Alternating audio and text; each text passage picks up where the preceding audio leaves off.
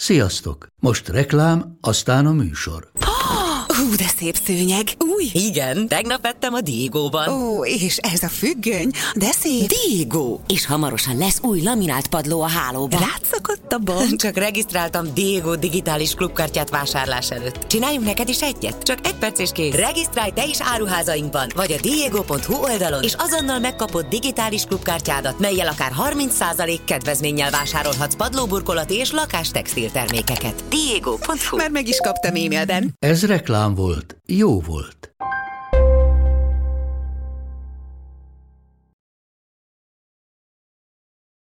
Halloween van. Ez a több mint 2000 éves tradíció ma már szinte minden országban megtalálható. Kevesen tudják, hogy eredetileg egy ősi kelta hagyományról van szó. Az év ezen szakaszában óriási tüzeket gyújtottak a pusztában, és furcsa jelmezeket öltve misztikus szövegeket kántálva próbálták elűzni, elijeszteni a gonosz szellemeket. Mára sokkal szórakoztatóbb formát öltött ez az ünnep, mely Amerikából indult hódító útjára. Jelmezes gyerekek járják csapatokba verődve a sötét utcákat, és csokiért vagy cukorkáért cserébe megkegyelmeznek a ház lakóinak, és nem kísértik őket. A mai eset azonban nem ennyire ártatlan.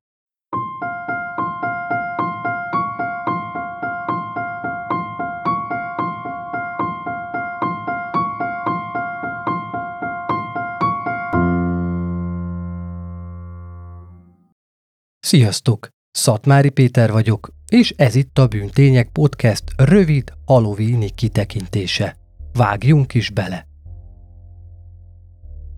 Mindannyian fel tudjuk idézni azt az érzést, amikor gyerekként elvettek tőlünk valamit a szüleink. Mindegy, hogy egy két évesről vagy egy tizenkét évesről van szó, olyankor a düh és a harag átjárja az egész testet. Ez gyerekként teljesen normális dolog. De az már egyáltalán nem, hogy egy 55 éves, felnőtt ember annyira képes magát felhúzni az eltűnt halloweeni cukorkák miatt, hogy öl. 2011. október 31-én délután fél három felé segélykérő hívás futott be Chicago egyik város részéből. A számot a People's házból tárcsázták. A helyi rendőrbiztost John Davidson-t riasztották az esethez, aki a helyszínre érve csak néhány embert látott a ház verandáján üldögélni. Beszámolója szerint a ház tulajdonosa, bizonyos Ledl Peoples nyugodtnak és együttműködőnek tűnt. Amikor megkérdezte tőle, hogy mi történt, a férfi így felelt. Ez őrület. A csaj egy tányért vágott a fejemhez. Miután Davidson járőr mindenkit kikérdezett, bement a házba, ahol a mentősök már megkezdték egy sebesült nő, Maria Adams ellátását. Úgy tűnt Maria teljesen eszméletlen. A helyszínt mindenütt vérborította, és összetört tányérok hevertek a földön. A mosogatóban pedig három kés hevert. A mentősök elmondták a rendőröknek, hogy amikor beléptek a házba, Mariát hason öntudatlanul találták, egy hatalmas vértócsában fekve azonnal megvizsgálták, és megállapították, hogy már alig pislákol benne az élet. Óvatosan megfordították, és ekkor szörnyű felfedezést tettek. A nő testén számtalan vágást és késszúrást találtak, amelyekből dőlt a vér. A melkasa, az arca és a karjai is tele voltak sebekkel. Ahogy jobban megvizsgálták, kiderült, alig van púzusa. Gyanús volt, hogy valami érhette a fejét is. Azonnal a helyi kórházba szállították, ahol megkezdték a harcot az életéért. Ekkor már nem tudott önállóan lélegezni, és szinte teljesen elvérzett. Amikor levetkőztették, több mint húsz szúrt sebet találtak rajta. Úgy tűnt, támadójának mindkét kezében kés lehetett és azzal kaszabolta össze szerencsétlent. Ám nem csak ezeket a sérüléseket szenvedte el. A fején valamilyen tompa tárgy által okozott traumát is felfedeztek. A koponyája megtelt vérrel, ami már önmagában is egy életveszélyes állapot. Úgy tűnt, valamivel fejbe vágták, de azt sem tartották kizártnak, hogy a falba vagy a padlóba verték bele a nő fejét. A karjain számtalan vágás és karmolás volt kivehető, még az új percein is. Ebből arra következtettek, hogy mindkét karját maga elé emelve próbált védekezni. A ház tulajdonosát, Ledl Peoples-t nem sokkal ezután letartóztatták, és gyilkossággal vádolták meg. Két millió dolláros óvadéka esélyt sem adott arra, hogy szabad lábon védekezzen. Ekközben Maria állapota egyre csak romlott. Majd 2011. november 5-én, az eset után 5 nappal elhunyt. Mindössze 49 éves volt. A boncolás a testén összesen 28 szúrt sebet mutatott ki, melyből 10 a fejbőrét érte. A koponyájában nagy kiterjedésű hematóma, bevérzés alakult ki valamilyen ütéstől, de még beljebb az agyában is találtak bevérzéseket és sérüléseket. Az orvosok számára egyértelmű volt, hogy halálát ezek a traumák okozták. Ledl és Maria már évek óta ismerték egymást, ám a kapcsolatuk egészen bonyolult volt. Voltak, akik szerint jártak, de mások úgy nyilatkoztak, hogy szimplán csak ismerősök. Ez a történet szempontjából talán nem is olyan lényeges. Viszont tény, hogy Maria sokszor töltötte az éjszakát Ledl házában, és ilyenkor, egyes beszámolók szerint, apróságokat el is lopott a férfitől. A nőnek ez volt a happy de sokszor észre sem lehetett venni, olyan jelentéktelen tárgyakat lovasított meg. De visszatérve a végzetes estére. Ledl, miután bevitték az őrsre, részletes, írásbeli vallomást tett. Leírta, hogy aznap délután észrevette, hogy hiányzik egy zacskónyi halovíni édessége. Ezt összekötötte azzal, hogy már korábban is tűntek el dolgai, amikor Mária nála töltötte az éjszakát. Meg is kereste a nőt a házban, és neki szegezte a kérdést, hogy nem látta-e az édességeket. Mária tagadta, hogy bármit is tudott volna a nyalánkságokról, ám Ledl kutakodni kezdett, és végül mindent megtalált a nő fogason lógó csekijének zsebeiben. Egyből nekiesett, hogy mit képzel magáról. A vita heves veszekedésbe csapott át, majd Maria felkapott egy üvegtálat, és a férfi fejéhez vágta. Majd még egyet. Az egyik tányéra szeme felett találta el Ledlt, jókora sebet ejtve a szemöldökén. Az erről készült képet a bűntények közösségi média felületein meg is nézhetitek. Az események innen vettek tragikus fordulatot. Ledl teljesen elveszítette a kontrollt. Az egész veszekedés a konyhában zajlott. Így kéznél voltak azok a konyhakések, amiket steakekhez használtak. Mária felkapott kettőt, és a férfi felé közeledett. Ledl valahogyan a földre gyűrte a nőt, és birkózni kezdtek. Igyekezett kicsavarni kezeiből a késeket, de a nő nem hagyta magát. A viaskodás hosszú percekig tartott. A férfi egyre dühösebb lett, erejébe adrenalint pumpált, így ereje is egyre nőtt. Hirtelen Mária fölé kerekedett, és kicsavarta kezeiből a késeket. Amint ott ült a nőn, úgy érezte, muszáj megbosszulnia ezt az egészet, főleg azt, hogy ellopta az édességeit. Dühe kimondhatatlan mértéket öltött. Szinte fort a vére.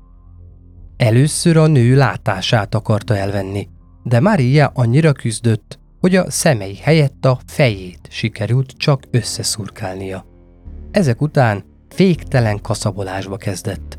Ahol csak tudta, mindenhol sebeket ejtett a nőn, aki végül feladta a harcot, és nagy nehezen hasra fordult. Ledl ekkor abba hagyta a szurkálást. De ez nem azt jelentette, hogy befejeződött a brutális bántalmazás. A hajánál fogva felemelte a szinte már eszméletlen nő fejét, és háromszor teljes erejéből belevágta a betonpadlóba. A nő ordított a fájdalomtól, de Ledl azt hitte, csak megjátsza magát. Dühe ettől még nagyobbra nőtt. Eszébe jutott a szeme felett lévősebb, amit a hozzávágott tányér okozott. Tudta, hogy a helye örökre megmarad majd, mert elég mély volt a seb. Még mérgesebb lett. Felkelt, és tiszta erejéből többször rátaposott Maria hátára és fejére, majd tovább sétált, egyenesen a konyha szekrényhez, ahonnan kivette a legnagyobb kését.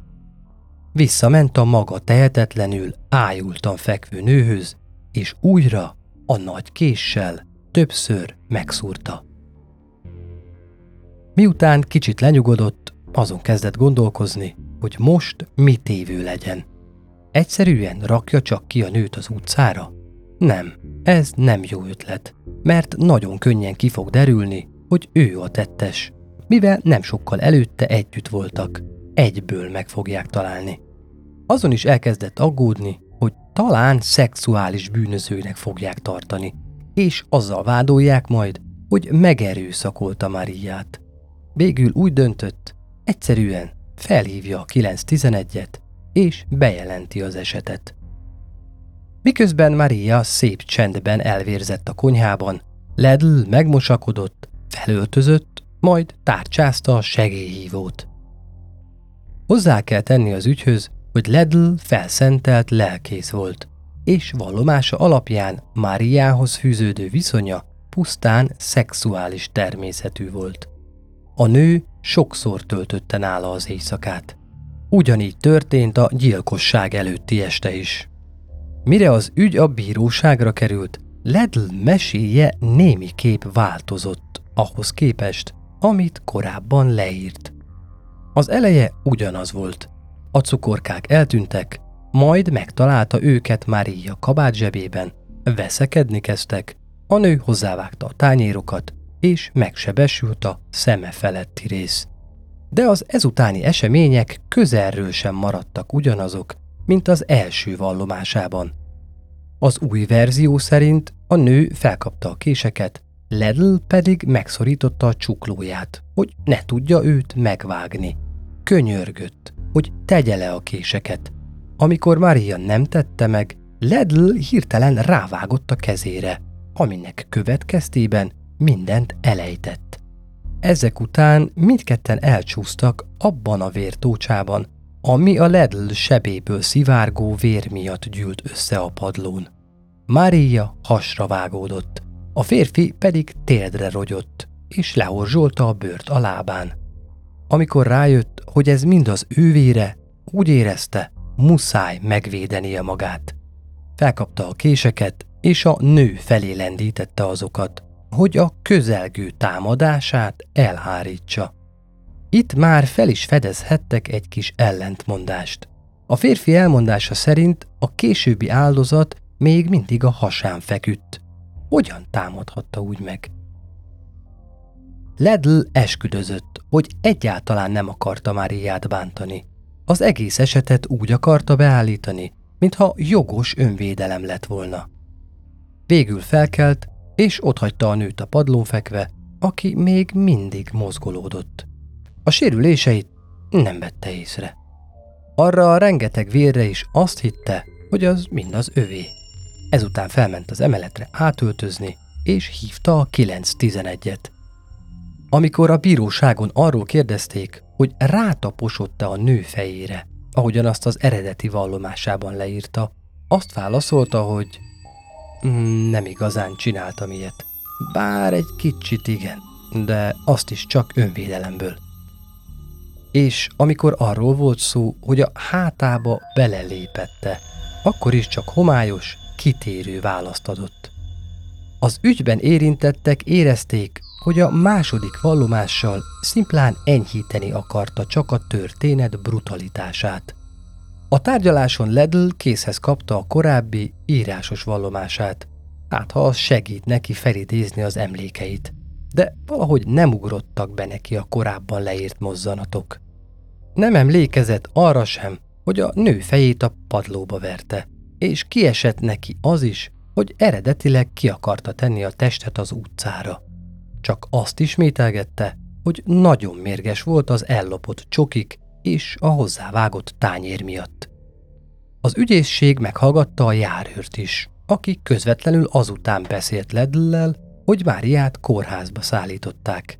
Neki a férfi akkor elmondta, hogy az ellopott csoki miatt veszekedtek, és pusztán önvédelemből késelte halára a nőt. Ez már akkor is nagyon furcsa volt, hiszen a nő majdnem kivérezve, fegyvertelenül és félholtan feküdt.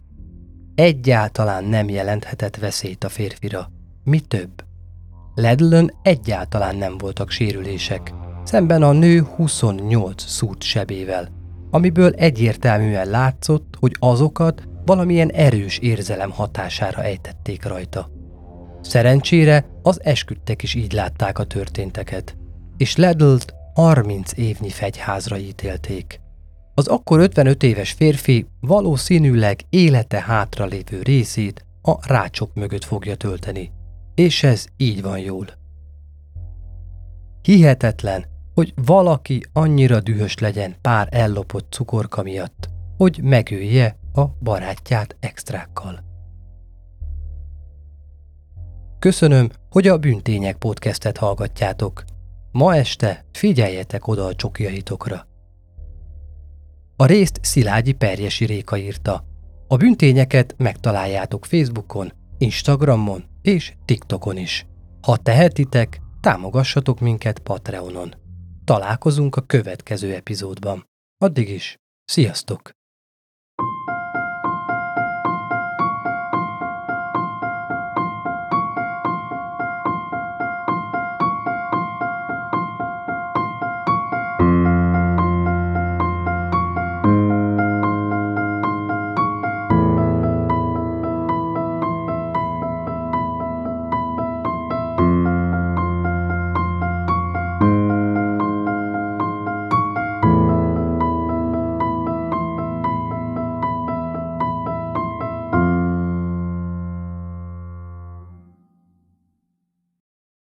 Ez a műsor a Béton közösség tagja.